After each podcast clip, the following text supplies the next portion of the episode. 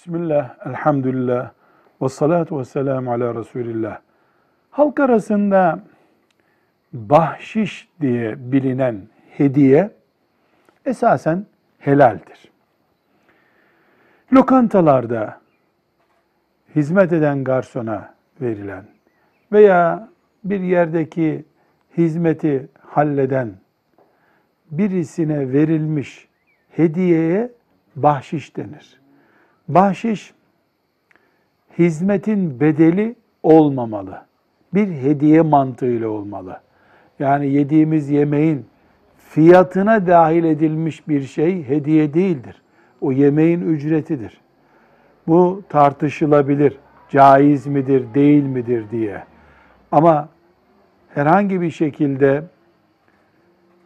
bir zorunluluk olmadan, riyaya bulaştırılmadan hizmet eden garsona veya eşyayı taşıyan işçiye verilen bahşiş helaldir. Veren için bir sıkıntı yoktur. Alan için din açısından bir sıkıntı yoktur. Zorlama yoksa, riya yoksa. Velhamdülillahi Rabbil Alemin.